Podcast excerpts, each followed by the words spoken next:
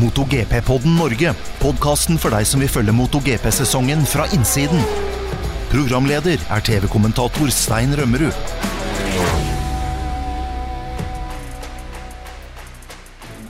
Velkommen til MotoGP-podden nummer 29 har det blitt. Og det er som alltid Stein Rømmerud som programleder. Har med medkommentatorer Dag Steinar Sundby og Thomas Sigvartsen. Det er uh, kjappe podkastere vi har med å gjøre her. Dag Steinar, du har så vidt begynt ferie også, du. Du er ikke engang i Norge? Nei, jeg sitter i Derbyshire, England. Eh, tre kvarter nord for Donington og en drøy time nord for Silverstone, så jeg er her for å gjøre research. ja, det er veldig bra. Tidlig research.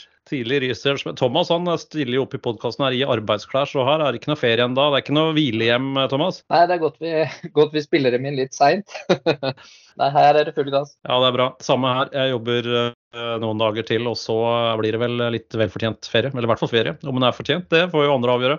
Vi har hatt eh, et par veldig morsomme løp bak oss. Vi hadde jo Mugello, vi snakka jo litt om det i, eh, i forrige podkast. Så hadde vi Sachsenring, og så ble det jo Assen og en veldig interessant affære der. Det er jo veldig mye som skjer for tida. Thomas, fikk du med deg løpet i Assen, eller løpet ned? Jeg fikk med meg stort sett alt, alt som skjedde den helga. Men det som du var inne på, det var, er fryktelig mye som skjer om dagen. Og det var jo det løpet der òg. Det var noen bra løp, egentlig samtlige klasser. Og det syns jeg vi har hatt veldig mye den siste tida. Mye gode løp. Men men det skjer jo ganske mye, og skadelista, i hvert fall i den største klassen, den uh, blir jo bare større og større. Det blir en tøff sesong videre. Ja, vi skal komme litt inn på de her skadene etter hvert her. fordi det er som du sier, veldig mange krasjer, veldig mange skader for tida. Men jeg syns jo for min del, Moto 3-løpet var jo veldig morsomt med Dennis Ønsju på pallen. Jevnt og spennende, mange vekslinger gjennom hele hele løpet. Det endte jo, som dere veit, med Masia øverst, Sasaki 2, Dennis Ønsju 3. Og det var jo bare en uke etter at Dennis tok sin første seier. Og det syns jeg kanskje var nesten det morsomste løpet hele helga. Men så ble det jo veldig gøy i Moto 2 også, da, med Dixon som tok sin første seier. Så jeg syns jo egentlig Moto 3 og Moto 2 var de to beste løpene den gangen her. Ja. Men um, Dag Steinar, du var jo med i boksen og kommenterte. Hva sitter du igjen med etter, etter Assen? Jo, det er jo samme inntrykket som uh som du har også. Det var jo det i, i Moto 3 og, hvor det var tettest. Og så i Moto 2 også, da, så var det jo man, Vi satt jo litt på nåler og så bare venta kommer Dixon til mål denne gangen, for han er jo all in. Og heldigvis gjorde han det da, kunne ta sin første seier, og det var jo skikkelig kult. Og ikke minst da at med tanke på at du skal til Silverstone nå etter sommerferien, at det passer jo veldig bra da for å ha en engelsk vinner igjen. Ja, Den satt jo langt inn i den seieren til, til Dixon. her. Har jo hatt muligheten flere ganger før også, men det ble jo liksom ekstra glede der, da. Det var mye følelser i sving når han kom i mål. Det er vel en dag han kommer til å huske, tror jeg, eh, ei stund. Thomas, den første seieren, hvor viktig er det for en fører? Nei, For Dixon spesielt tror jeg det, det er veldig viktig. For han har jo, ja, som dere sier her, da, har jo, det har vært veldig mye nesten. Og han har jo en tendens til å ha kokt over bra. Han har jo vist veldig lenge nå at han har et veldig godt tempo. For han setter jo noen tider som, som, er helt ekstreme og er rask egentlig fra første runde. Men jeg tror for han så kan det være litt sånn eh, game changer nå videre i sesongen at han har sett det sjøl. Det er klart du får letta litt eh, vekt av skuldrene dine og, og, bevist overfor deg selv at uh, dette får jeg faktisk til. Og så, så tror jeg nok at han kanskje blir mer stabil nå videre gjennom sesongen. Så, tror du? Tror du det? Så han har liksom fått ut proppen og fått den vekta av skuldrene, som du sa. og vil han da, Er det, er det lettere å vinne løp nummer to og tre? Ja, det er det absolutt. Det, er, det kommer jo litt sånn, sånn, som det har vært for han hvor han har krasja veldig mye siste delen av løpet. Eh, gjort mange sånne dumme feil. Så er det klart du begynner å tvile litt på deg sjøl. Og det, det blir litt sånn at det dukker opp underveis i løpet at eh, å, nå, nå kan det hende det skjer igjen. Det her er, handler om selvtillit. Det er rart hvordan den fungerer. For med en gang du har liksom vært på toppen der, så, så føler du deg best. Og det er, eh, det er bare noe du lever videre på. Så det, jeg tror det har ekstremt mye å si. Jeg tror jeg også særlig det at han var jo fra ledelse, så fikk han den uh, i fri der i nøytral, og så padla litt ut i i svingen der og ble liggende bak igjen. Og så klarte han å hente opp det igjen og kjøre forbi. Og så ja, få en lita luke, da. Så at han klarte det å holde seg stabilt altså uten å Hadde det vært for tidligere Dixon, så hadde han jo krasja. Da hadde han jo haisa det, så det synger et eller annet sted. Men nå var det jo steady. Mm. Så jeg tror det betyr veldig mye at han så han har tempo inn og har racecrafta til å gjøre det. Mm. Får Ja, virkelig vi- hå- håpe det. Han virka jo veldig sterk og sånn den forbikjøringa han gjorde på Gura når han gikk opp i ledelsen der, og så var det liksom sånn Ja, det, den signaliserte litt for meg at nå går det løpet ut. Det er ikke ofte han kjører forbi så presist som det han gjorde der. Det, det pleier å være litt mer på halv tolv inn, og så er det ikke alltid han blir med ut. Så jeg tror det, Han er jo et veldig godt team, han har mye bra folk rundt seg. og Det, det er liksom bare å sette disse bitene på plass. Så det er veldig moro at det er en til som, eh, som er med og blander seg litt inn i, i røra i toppen der. Mm. Gjelder det samme, tror dere, eh, for Dennis Huncho i Moto 3? At han nå har endelig fått den første seieren på plass, og at han kan senke skuldrene, kjøre enda mer offensivt, tenke mindre på den første seieren? Ja, det, det tror jeg. Han har jo vært så nære så lenge og kjempa, og det har vært så viktig for han. Og når han endelig har klart å så, å så gjøre det nå, da, så, så tror altså at vi får se mer av han utover. For han er jo, særlig på de banene hvor det er veldig harde innbremsinger og, og sånne ting, der er jo han veldig bra. Så jeg tror også at han vil være med mer stabilt der oppe nå. Nå har vi nettopp fått med oss at det skal 35 nordmenn nedover til eh, VM-runden i eh, Misano i september for å heie på Dennis Hunches. det er jo kjempemorsomt. Og jeg har også hørt rykter om at det er flere ledige plasser igjen der, så dere får bare gå inn på den der Hunchu Norge Facebook-sida, folkens. Hvis dere har tenkt dere på en VM-runde i år, så er det jo litt ekstra morsomt å heie på, på Dennis Hunchu, som har den uh, norske koblinga. Men hvis vi ser øverst på tabellen, da, for de to klassene der som vi har snakka om nå, Moto 3 og Moto 2, så har vi jo Daniel Holgado som ligger øverst på pallen i, eh, øverst i tabellen i Moto 3. Han har 125 poeng nå. Nestemann på lista, Masia, Ana 109. Så det er klar ledelse. Hvis vi da flytter oss til eh, Moto 2, så er det jo eh, egentlig litt eh, samme situasjonen der. Har vi én mann nå som har tatt over eh, tatt over ledelsen der, og det er jo Pedro Acosta. Eh, han er vel like bak, åtte poeng bak. Det er Tony Arbolino som leder med 148, og Acosta på 140. Men den som er på offensiven akkurat nå, ser ut som det er Acosta. Eh, Thomas, Pedro Acosta, Daniel Holgado, Moto 2, Moto 3. Hva har de to til felles, egentlig? De kommer, kommer fra samme sted. Trener, eh, trener sammen. eh, ja, de har ganske mye til felles. De har vel eh, de siste åra hengt sammen stort sett hver eneste dag og pusha hverandre. Så mm, de er veldig like førere, egentlig. Nå, nå er vel kanskje første løp i år jeg syns det kanskje kokte litt for Acosta. Han, eh, han var litt mer ja, sånn Pedro du kan se på trening. Han er, han er jo ganske vill. Og det syns jeg vi så på Assen. Da var det litt mer armer og bein. Sleit litt med å, å komme i gang sånn som han ville, og så ble det litt sånn stress hele løpet. Uh, måtte jo innom longlappen der. Et par forhjulslep. Altså det, det gikk litt på limit, da. Mens hvis du ser han ellers i sesongen, og sammen med Holgado, har jo vært egentlig Altså de er der og på en måte litt mer anonyme sånn gjennom hele løpet, og så kommer de helt på slutten og gjør, gjør gode plasseringer. Eh, og det er rett og slett for at de to er fast bestemt på at de skal vinne VM i hver sin klasse. Litt sånn som de jobber. Vi har jo, eller jeg har hørt veldig mye og vært med dem eh, veldig mye på Cartagena, fordi de bruker jo Cartagena som, som en treningsbane. Og Arne Sandum, som var med meg eh, i mange, mange år, har jo vært involvert da i det Pacosta-akademiet nå de siste to åra. Så, mm, så har jeg fått uh, snappa opp og hørt og sett veldig mye hvordan de holder på. Det, jeg er ikke overraska over at de to styrer hver sin klasse, sånn sett. Mm. Arne er jo dessverre ikke med oss lenger, men eh, den, den, den, skolen eh, som vi snakker om her, det er jo en trener der som heter Paco Marmol, som vi kanskje ikke har hørt så veldig mye om. Men det begynner å komme en ny gjeng da, med supertalenter. Unge, kommende spanske superstjerner. Vi nevnte jo Pedro Acosta, Daniel Holgado. Men det er et par andre navn der også. Fermin Aldeguer er vel fra samme miljøet. og det var jo en soleklar vinner av Red Bull Rookie Cup i år. Han er allerede klar mester, selv om det er flere løp igjen. Det er Picueras. Han er vel også øverst på tabellen nå for junior-VM. Samme trener, er det ikke det? Jo. Leder junior-VM med 54 poeng nå, hvis jeg ikke husker helt feil. er jo Alvaro Karpe som er nummer to da, blei, eller ligger som nummer to. Det er ikke avgjort i rookie-cupen, men han også nummer to i, i junior-VM. Og der er det egentlig førere helt ned til uh, Det er en gutt på 11 år som heter Carlos Cano, som faktisk Arne jobba veldig mye med, som kjørte da i Moto 4 i Hernandez-teamet, der jeg var. Som også er uh, Altså, du, du tør ikke å se han i øya.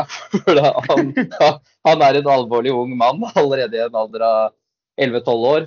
Men det er klart, alle her er jo fra samme område, altså Cartagena Murcia-regionen. Trener sammen på veldig mye pitbike hver eneste uke. Og der er det Pedro som superstjerne er med og trener med de yngste. og det er klart at uh, de har noen å følge etter, og de, de pusher hverandre hver eneste dag. Så det, det systemet de jobber etter, er, uh, viser seg jo nå helt klart at uh, er den nye veien å gå. da.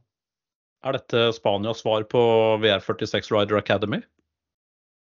Ja, man kan vel si det, si det sånn. Det er, men de gjør modellen ganske annerledes enn det VR46 gjør. For de bruker mer større sykler og kjører på større baner. Eh, og litt mindre motocross, men en del sånn flat track på, på ranchen til, til, Rossi. Så de, de, kjører veldig mye tunge sykler. Eh, jeg vil vel si at kanskje 70% av treninga deres er på, på, store sykler. Mens Acosta og de kjører eh, 85% med en eh, pitbike eller altså en motard. Eh, gamle sykler. De, de kjører eh, eldre, eldre 600 på gokartbane hvis, de, hvis de bruker litt større sykler. og det er veldig mye små sykler, og det, det tror jeg er noe av grunnen nå. fordi de kan ligge og lære seg grenser på liten hastighet, og så tar de bare det med seg oppover på de, de større syklene. Det er klart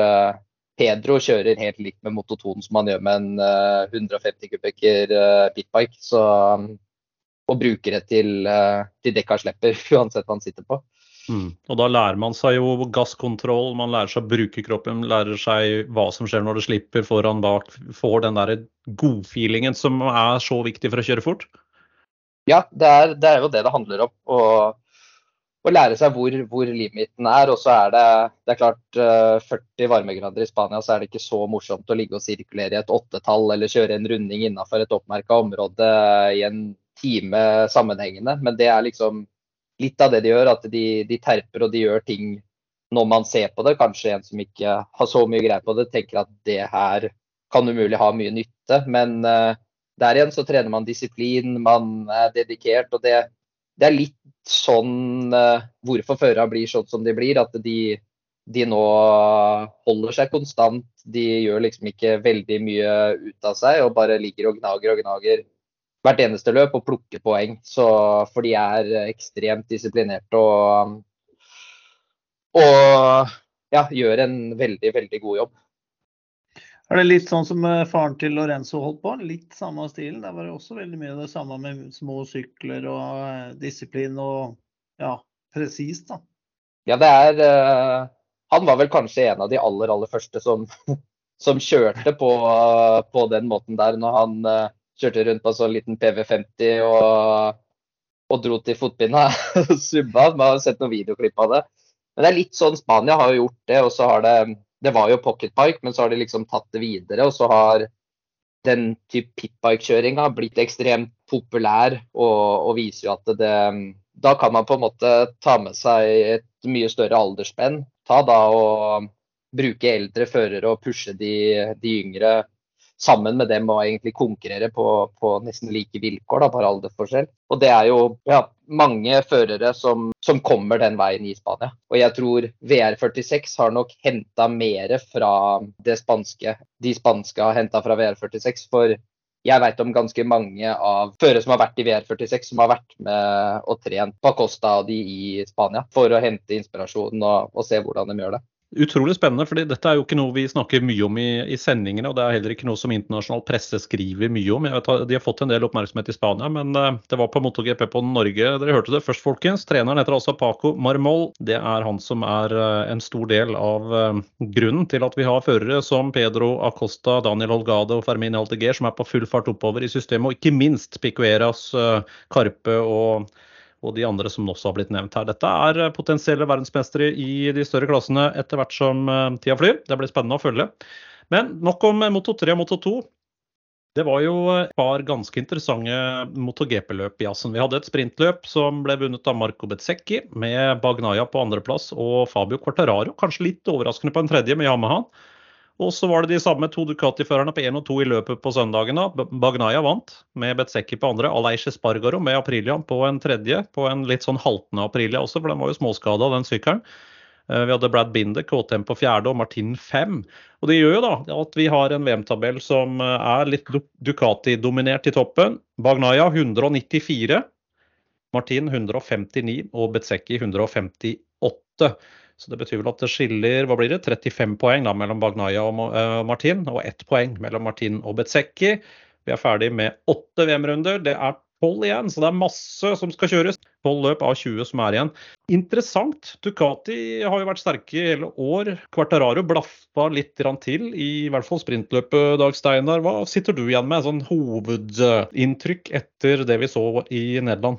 Det er som det har vært tidligere, det er jo Ducati som, som dominerer og er den faste styrken, liksom. Og så er det jo sprintløpa som gjør at andre, andre har mulighet til å komme opp, sånn som det vi så med Quartararo og sånne ting. Og da var Brad Binder da, som eh, eh, egentlig hadde to tredjeplasser, men gjør samme feilen begge dager og toucher da det grønne, grønne feltet i eh, en av høyfarts... Eh, ja, sjikane, eller hva det kan være. Ikke noe sjikane, da, men det, eh, å miste begge tredjeplassene da. Så det var jo eh, var en liten gavepakke sånn til Quartararo, men han var jo mye mer med. Og da han ble nummer tre, og samme med Alesje Spargaro og sånn. Så, så det, så, men det er liksom den ja, Ducati-dominansen, den, den, er jo der. Den er jo fast, den eh, sånn. Så eh, og jeg tror også den vil bli sånn videre utover i sesongen. Kanskje, som jeg snakka om før, at KTM eh, er de som er nærmest. Nå var det Aprilia, det var jo raskere i fjor, men det virka som ikke de har hengt med helt på, på utviklinga sånn, på at de har treffet med sykkelen sin like bra med 23 da, som i forhold til eh, Ducati og, og KTM har gjort. Da. Og de japanske er dessverre avhengt, og særlig da Honda med omtrent alle, ja, tre av fire fører ute med skada, dessverre. Mm.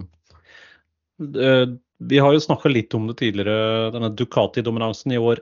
Åtte førere de ligger jo et hestehode foran rent teknisk, men det virker som faktisk forskjellene var litt mindre på Asen enn det vi hadde forventa oss, særlig sprintløpet. da, Med Aleiche Spargaard og fire der, Binder fem på henholdsvis Aprilia og, og KTM. Honda, ikke noe særlig god eh, helg der heller. Nakagami, beste Honda-fører, nede på en tolvte vel på sprintløpet. Klarte vel en åttende i hovedløpet på søndag.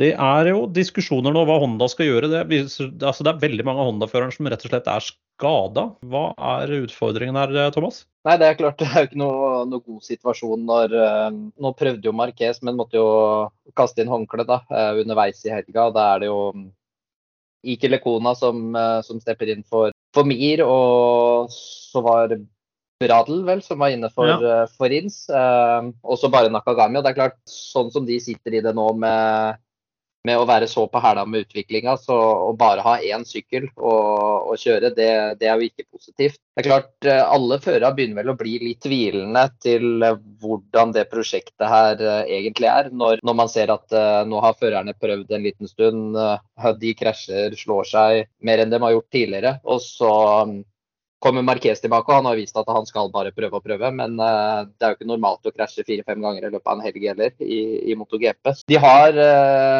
har vel aldri vært eh, så på utur, kan man vel si, som det, det de er nå. Og hvordan de skal liksom angripe den situasjonen og komme tilbake igjen, det, eh, det er ikke noe enkelt svar på. Men Det jo, var jo et av racene. Det var første gang siden 60-tallet at Honda ikke hadde noe før innen topp ti i toppklassen heller, i noe løp. Så eh, ja, det er jo ganske, ganske, spesielt. og klart Det er ikke noe som du sier, Thomas, det er ikke noe quick fix.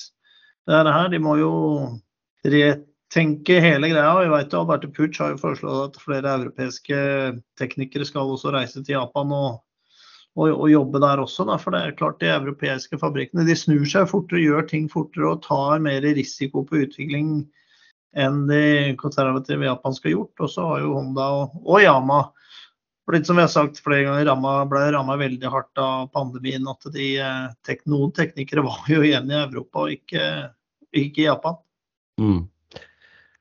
Vi har jo fått noen tips som jeg syns er veldig veldig interessante. Jeg har gjort litt research nå siste, de siste ukene rundt en, en spesiell fyr. En amerikansk ingeniør som har jobba mye i Formel 1. Han har jobba med ja, annen form for Eh, teknologi. Han har vært en av de som bl.a. hjalp eh, Hamilton med en av eh, VM-seierne sine i, for, for, Mercedes. Han utvikla et, et, system som gjorde at man kunne holde Formel 1-bilen helt stabil. Vi snakker om så, mye, så lite som 1,5 mm krenging. Uansett hvor han er på banen, om det var høyre, venstre sving, høy hastighet, lav hastighet. Et, et, hydraulisk system som klarte å stabilisere kjøretøyet. Han utvikler også en massedemper. Navnet hans det er Robin Toulouis. Han har vi sett faktisk noen ganger også i, i MotoGP-paddocken. Og vi ser det på noen av Ducati-seerne, så ser man en litt gråhåra fyr som står langt bak. Bak liksom hele Ducati-gjengen. Og det er Robin Tulloy. Jeg kjenner han igjen på bildene. Han utvikla som sagt en massedemper. Uh, han har også vært ekstremt varmt framme når det gjelder dette med å lage datasimuleringer for hvordan et kjøretøy oppfører seg under ulike forhold. Han har antageligvis tatt med seg veldig veldig mye av den kunnskapen han har fra ja, Han har kjørt racing selv også. Utvikla egne roadracingsykler. Var en habil pilot. Eh, lagde også bl.a. en totaktsracer med en snøscootermotor. Ganske vanvittig eh, sak som eh, journalist eh, Matt Oxley skrev om for en tid tilbake siden. Mye tyder på at den datasimuleringa og den jobben som Robin Tulvi har gjort der, og ikke minst også, han var jo en av de som hjalp Ducati med å utvikle ride height device, holeshot device, men også en massedemper som antageligvis har, har hjulpet Ducati veldig mye i hele datasimuleringen. med å bli kvitt mye eh, chatter, få en motorsykkel som både svinger, er stabil i høy hastighet. Her ligger det veldig veldig mye forskning. Og mye tyder på at den, det arbeidet som Tuli og det teamet der har gjort for Ducati over ganske lang tid, særlig i den perioden da Ducati hadde concessions, sånn at de kunne teste mer enn de andre. Det har nok hjulpet Ducati opp på det nivået de er nå.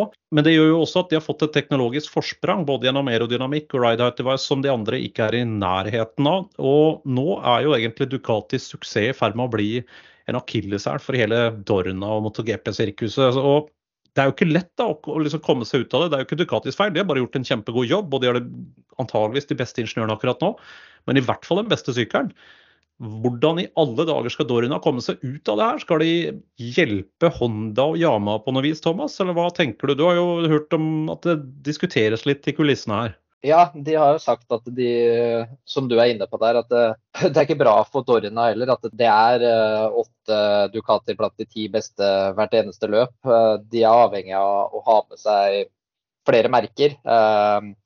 Sånn for publisiteten, markedsbiten, alt. Eh, så de har helt klart en interesse at det er, det er um, flere merker som er med. Så er spørsmålet litt hvordan de skal løse det. Det har vært snakk om om de skal åpne for at det blir flere plasser, sånn at de kan få inn nye team. At de da kan få flere sykler fra Honda og Yama. fordi nå skal det vel mye til at de teamene som allerede har avtale, går ut fra en Ducati-avtale. Og hvor mye Dorna kan påvirke der, det det er det ingen som veit. Men det har også vært litt sånn at regelverket er jo der, men Ducati har vel kanskje vært flinke til å liksom tøye det her og prøve å innføre et nye teknologiske duppedingser da, som, som, har gjort dette bedre. Som det ikke står noe om i regelverket, og så har de fått lov til å bruke det.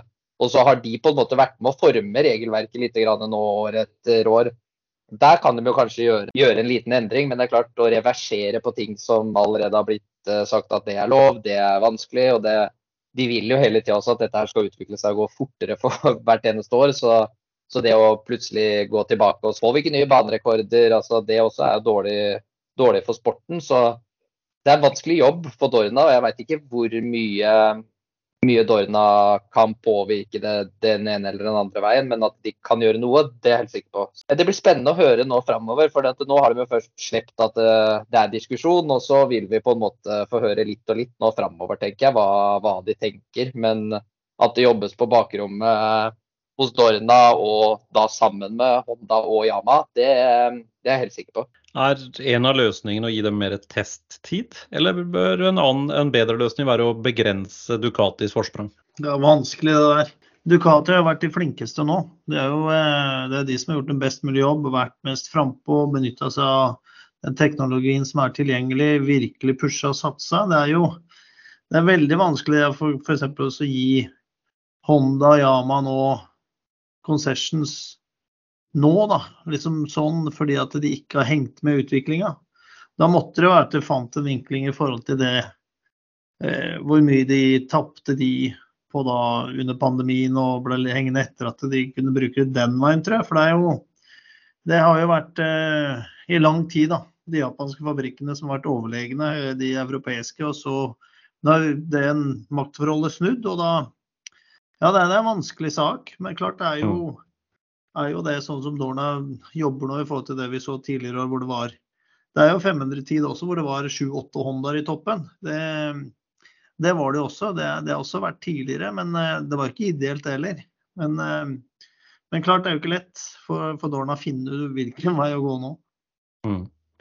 Ja, Det er jo en kjempeutfordring for Honda og Marquez. Vi var jo inne på det for noen minutter siden. Dette med at uh, Honda har jo en sykkel i øyeblikket som absolutt ikke gir Marquez det, det, han er ute etter. Han sier jo at den har uh, på hard brems og på vei inn så har han dårlig feeling i fronten, dårlig grep der. Og idet han møter med gass og går på og skal akselerere ut, så har han også problemer med å få effekten ned i bakken. Han får for dårlig aks, og Ducatiene stikker.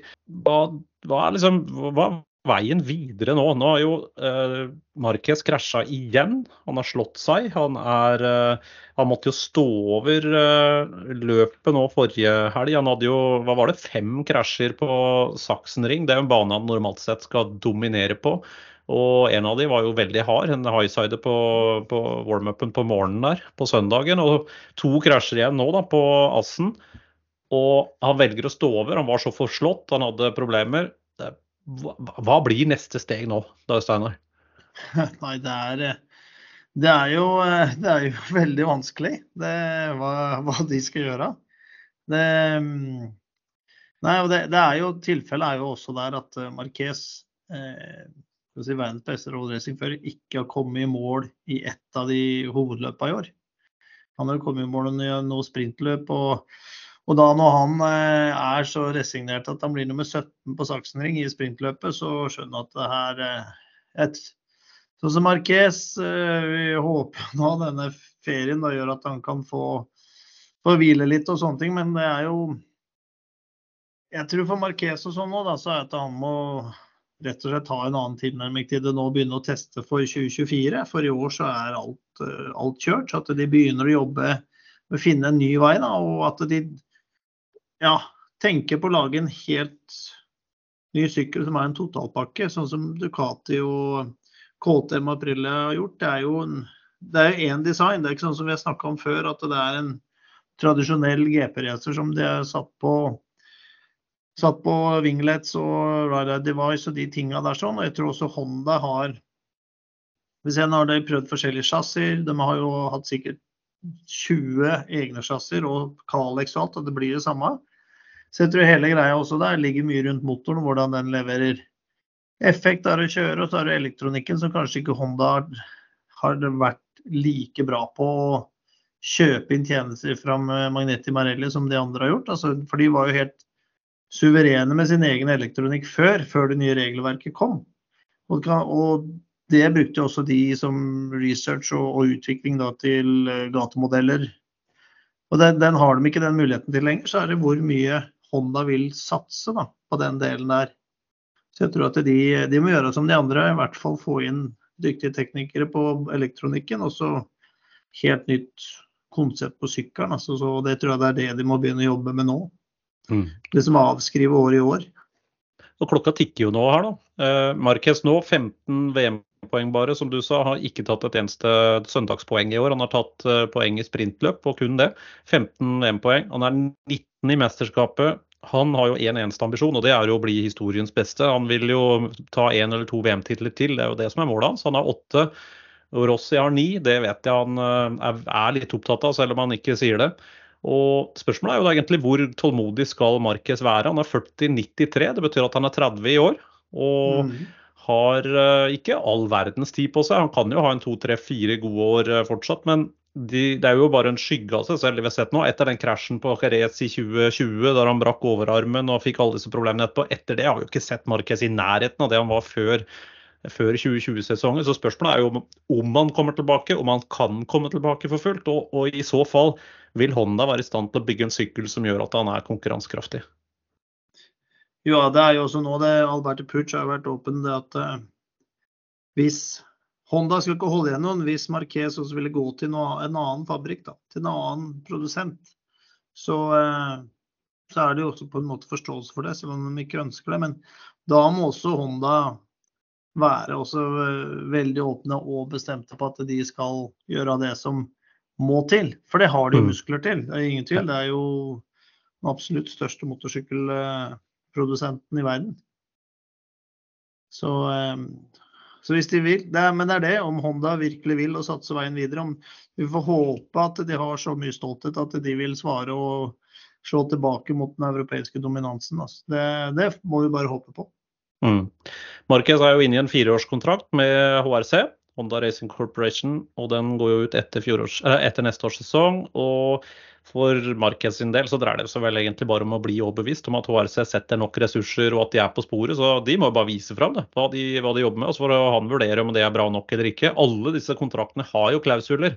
Det finnes exit-klausuler både for arbeidsgiver og arbeidstaker eh, for disse teamene. så er det det som må til, så, så, finner han på noe annet. Men så er spørsmålet egentlig hva, hva, et annet alternativ kunne ha vært for han. Fordi nå går det jo en del sånne silly season-rykter, Thomas. Vi hører jo masse spekulasjoner om både det ene og det andre. Eh, hvor skal vi begynne hen? Vi vet i hvert fall at Yamaha og Morbidelli det er vel et ekteskap som begynner å slå litt sprekker? Ja, det er, det er ikke det, det, det sterkeste um, ekteskapet. Det det har egentlig vært uh, ja, det har jo ikke vært noe bra uh, over en lengre periode nå. Så, um, og jeg syns uh, ja, når Morbidelli har på en måte Plutselig så leverer han et løp, og det er litt nesten sånn for å vise ja, viser litt finger til sitt eget team, føles det ut som. Så for um, de er jo åpne begge to og prater jo ja, egentlig ikke noe varmt om hverandre. Så um, så jeg syns det er veldig rart om Morbidelli fortsetter uh, etter år i år. Uh, for nå er det klart, nå har det vært to sesonger veldig dårlig, uh, og det de leverer nå Selv om Cartararo ikke leverer noe supert, han heller, så, så, har jo han i hvert fall vært der. Morbidelli har Det begynner å bli en stund siden han har gjort gode løp, så, mm. så jeg tror det skal veldig mye til at, at han er med der videre. Men så er jo er jo også spørsmålet hvem er det som skraper ordentlig hardt på den Yama-døra nå, da, sånn som den sykkelen leverer. Det, jeg tror ikke, tror ikke, det er lang kø. Nei, den har blitt vesentlig kortere, men det er det også rykter da, med Morbidelli at uh, de er i Superbike-leiren, factory-teamet der. Eh, vurderer å prøve å hanke han over i etter at Toprak gikk til BMW. Så litt eh, rykter om det. Eller Grezini, for Gian Antonio er jo rykter om at skal tilbake igjen til Moto 2. Mm. Og det er eh, visst interessant for Morbidelli med Gresini. Ja, det ville jo vært et eh, naturlig valg for han. Ja. Da går han til en konkurransekraftigere sykkel. og Han er jo en habil pilot, det vet vi jo. Han har jo, ja. har jo vært to i MotoGP-VM sammenlagt. Ja. Men, men, han har eh, bare ikke fått det til med Yamaha de siste årene. Nei, men de sier jo også da økonomisk så vil han ha en atskillig bedre deal ved å gå til factory, Yamaha Factory Superpark enn å gå til Gresini. Så det er jo litt sånn hva man tenker på fortsettelsen av karrieren. Han begynner å bli, få noen år på baken, han nå. Mm. Så det eh, skal bli spennende å se. Hvis vi flytter oss til eh, Ducati-leiren, så har det jo vært mye spennende som har skjedd der den siste tida. og Vi ser jo bl.a. Betsecki Betseki i Muni VR46 kjører veldig veldig bra for tida. Plukker jo jevnt med poeng og er nå på tredjeplass i mesterskapet, bare ett poeng bak Martin. Han må jo begynne å bli en populær fører eh, i Ducati-ledelsen, Dag Steinar? Ja, han er jo det. Også, jeg tror vel eh, Det gikk jo under rykter her med at VR46 skulle også på Yama, men eh, ja, litt vanskelig for å se for meg det. Altså, han, han leverer jo veldig bra, men ettersom jeg har forstått, så også han direkte kontrakt med Ducati, ansatt av Ducati. Så det Ja, man veit jo ikke hva som skjer gjennom sesongen. Vi veit hva Ducati gjør også hvor de kan flytte rundt med føre. Vi får se om Bastianini blir bra nok igjen, så han begynner å levere sånn som han gjorde. da. Så, så det er jo Og så har vi også Jorge Martin der også. Det er, det er jo noen sterke kandidater der sånn De har sikra seg liksom i framtida nå Ducati da, med de, de unge førerne som er så, er så, bra. Men klart, Besekki er kanskje den som er overraska mest, i hvert fall for meg, at han, det fungerte så bra i MotoGP som det har gjort. Ja, helt enig. Seier i Argentina, seier i Frankrike. Andreplass nå på, på Assen. Virker jo råsterk. Eh, faktisk. Eh, Betsekki. Og så får vi jo se, da. Martin har vel nå blitt eh, bekrefta for 2024 i Pramac, så han fortsetter vel der. Uh, og så er det Bastianini, som du var inne på. Han har jo vært, uh, vært skada. Brakk jo skuldra, som dere husker, på sprintløpet i Portugal. Så det, jo, det har vært vanskelig for han. Han prøvde seg jo så vidt uh, i Jerez. Det var jo ikke noe suksess. Men kom jo tilbake igjen i Italia, som var vel da han kom tilbake igjen for fullt, og er jo ikke 100% ennå. Det er mye skader nå, da, hvis vi ser litt på andre skader. Vi har jo fortsatt Alex Rins Honda.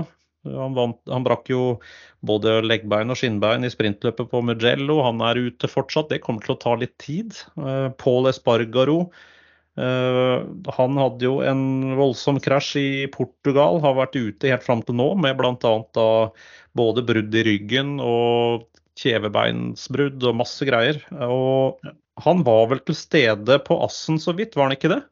Jo, han var på Assen som uh, var gjest hos teamet. Så han regner jo med at det skal være klar igjen nå på um, Silverstone da, første helg i august. Så uh, vi får se hvor mange som kommer tilbake da. Det var jo mannefall også i uh, løpet på asen. Det var vel bare 14 stykker som kom i mål, var det ikke det? Jo, noe sånt. Det var mye, veldig mye krasjing. Og Fabio Quartararo han klarte jo å krasje faktisk før han kom til Assen. Han skulle jo på løpetur i Amsterdam, så han tryna jo inn i byen der og brakk tåa, tråkka kraftig over. Så han har vel også vært gjennom noe, noe kirurgi nå siden sist. Så det er jo, jeg tror det var noen av hver som var veldig glad for at det ble en lang sommerferie på, på førerne nå. For nå har det vært veldig mye skade. Mange som må eh, bruke tid på å bli bra igjen. Marini, eh, høyre håndledd, det skjedde vel under Frankrike Grand Prix i mai. Vi har Mir, som jo skada seg i um, Italia. Det var vel på trening nummer to der, høyrehånda. Og ja, Aleix Espargaro krasja på tråsykkel på Mugello. Det er, jo, det er jo en sånn gjenganger. da. Rins krasja på tråsykkel i Catalonia, i fjor var vel det. Og så har du Aleix Espargaro på tråsykkel i år. Så det er der med å tekste og sykle, det skal man ikke drive med. Eller jogge på suspekte steder i Amsterdam. Ja. ja. Det kanskje var et eller annet som gjorde at ikke Quarteraro hadde helt fokus på løpinga. Kan hende. Det veit man ikke. Det veit man ikke.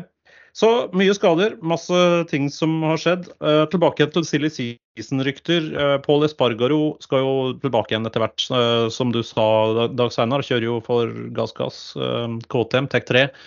Og det er jo en liten utfordring nå for KTM. For de har jo en viss Pedro Acosta som gjør det veldig bra i Moto 2, som har sagt at han skal ikke kjøre noe mer i Moto 2, han skal opp til Moto GP. Ja. Nå Hvis ikke KTM rydder en plass der blant de fire eh, sykla de har i Moto GP, så går han et annet sted, han. Hvordan i alle dager skal de løse det der? Nei, Hva tror du, Thomas?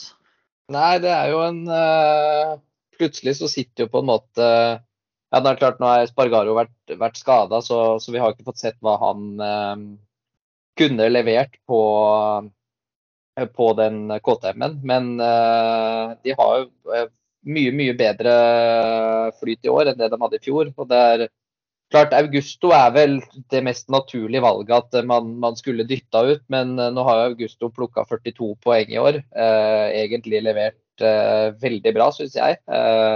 Eh, til å være rookie. Så um, det blir spennende å se nå med Espargaro hvordan han kommer tilbake. Uh, om han i det hele tatt uh, er ved sine fulle fem på, på sykkelen. Han, han, er jo sjøl veldig på at han, han skal tilbake og, og levere. Men det blir jo spennende å se med han. Men jeg tror jo det er vel en av de to um, Tek 3-gutta som som kommer til å ryke hvis det, hvis det skal, skal, være noen. Ja, For de to factory-førerne, eh, Binder og Miller, de er trygge?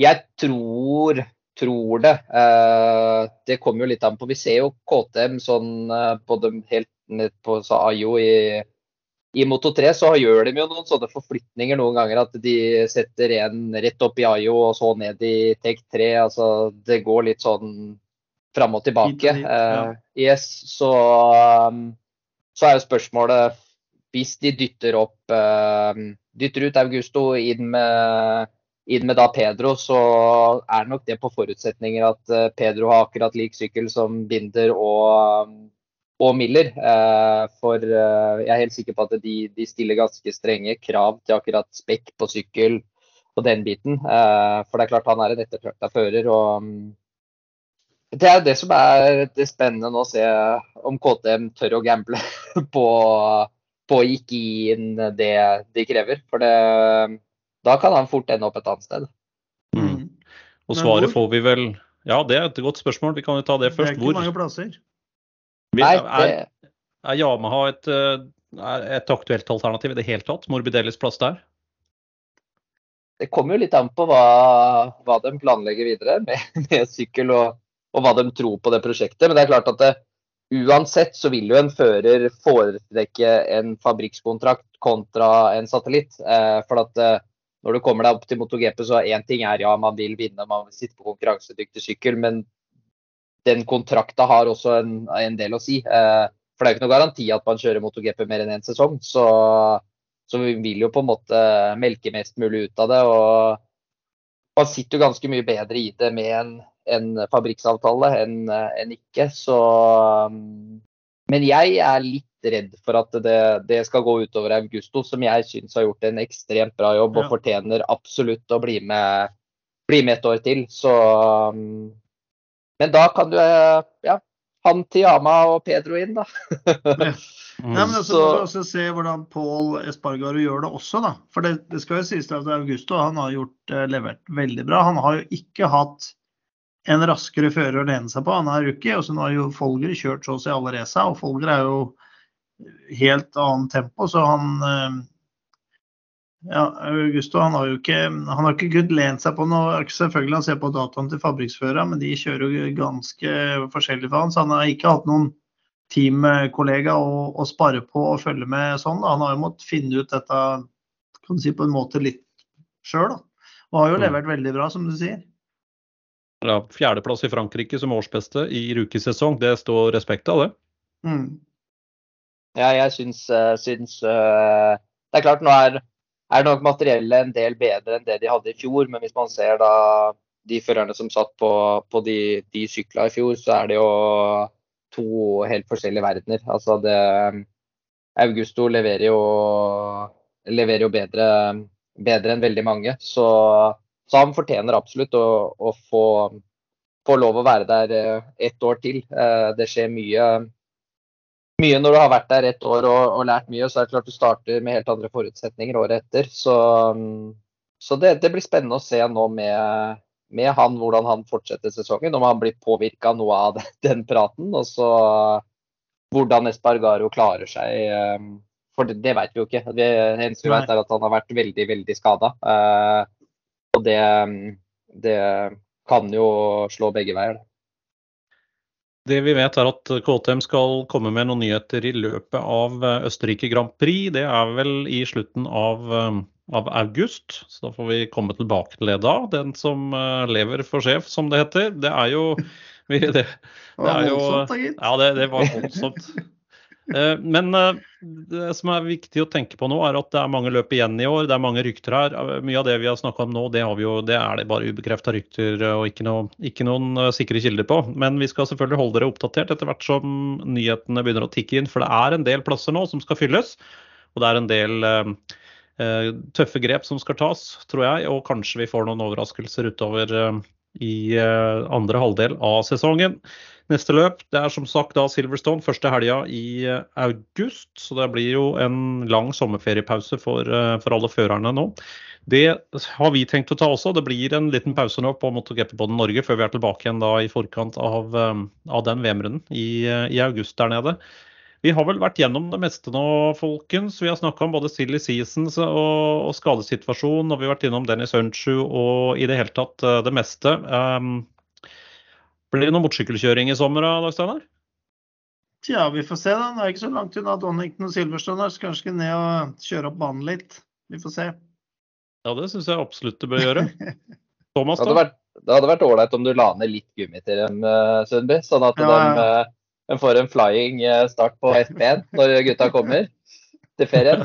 Så Stikke ned, stikke ned og ta et par runder. Sånn Ja. uh, Sundby dekkoperasjon. Det blir Ja. bra. Det blir bra. Så Thomas, da? Blir det noe kjøring, kjøring på deg, eller bare bleieskiftearbeid? Nei, det blir nok eh, blir lite grann. Så nå er det jo litt pause, pause her hjemme. Men jeg må jo prøve å komme meg på banen og, mm, og trene den gamle skrotten min. Så, så det, blir, eh, det blir noe kjøring nå i, i ferien. Og så kommer det jo et NM-løp eh, slutten av august som jeg tenkte å henge meg med på. Så, mm, så jeg skal nok få lufta meg litt. Ja. Skal du lufte deg med en Ducatin du har stående oppe hos meg òg? Ja, den står veldig fint hos deg, den, Sundby. Så den tenkte jeg skulle få lov å stå der, der uh, i hvert fall til neste år. Så Ja, Ja, ja, ja, ja. Hva slags sykkel er det vi snakker om nå? Ja, Det er en uh, veldig gammel uh, Ducati uten aero. så En sånn kaféracer jeg har bygd som uh, vi har parkert hos Sundby, og så um, ja, har den egentlig bare blitt stående der. det har gått Ja, å minne det- meg på at jeg hadde den der. ja, ja, altså, det var, jeg tenkte at du hadde glemt den. Ja. Nei, det er eh, Kom på den nå. Du er, du er modig, også som lar både nøkkel og sykkel stå på Sundbyen der. Jeg lånte jo bort eh, BMW-en min her, den måtte jo på verksted etterpå. Så det var jo det der er ganske tøffe tak. Ja, Ja, ja, ja. Det er, eh, det er bare å dra opp til Sundby hvis dere vil prøve. Da, får du, da må rett inn og opereres for armpump etter å ha prøvd den sykkelen der. Så, Ja, veldig bra. Nei, jeg har, jeg har heller ikke solgt da, noe som helst. Nei. Eh, Men jeg fikk veldig mange meldinger etter forrige episode, for det var mange som syntes at jeg snakka liksom eh, denne her Pikes Peaken ned. Og det var absolutt ikke meninga. Den er jo veldig bra på sitt bruk. Eh, Det er jo en helt rå sånn adventure-sykkel med mye effekt og veldig eksklusive komponenter. Men for meg så er det kanskje litt mer sportssykkel som er midt i blikken. Men det får vi komme tilbake til. Det er fortsatt Ja, Nå har du to, to sykler å kjøre med i sommer, da. Enn Ja. så lenge. Det har jeg. Så jeg håper å få, få lufta de litt. Jeg skal i hvert fall på Rudskogen 2. august, så det tror jeg blir neste gang jeg skal kjøre motorsykkel på bane. Jeg bare kjørte bil på bane i går, men det var jo så vått, så det ble bare tull. Ja, det er fint med støttehjul når det er vått. Da tror jeg vi skal eh, rett og slett ta, ta kvelden her. Vi har uh, sommerferie foran oss alle sammen, og så uh, håper vi at uh, lytterne av MotoGP-podden Norge fortsetter å dele lenker og trykke like, abonner hvis dere liker det dere hører. Og ikke minst så eh, håper vi at dere sender inn spørsmål. Send på stein at motogp.no. Send gjerne en lydfil også hvis dere har et spørsmål som dere spiller i. Kan bruke mobilen på det. 30 sekunder er maks. Og send det inn på mail til stein at eh, motogp.no, så tar vi det med etter hvert.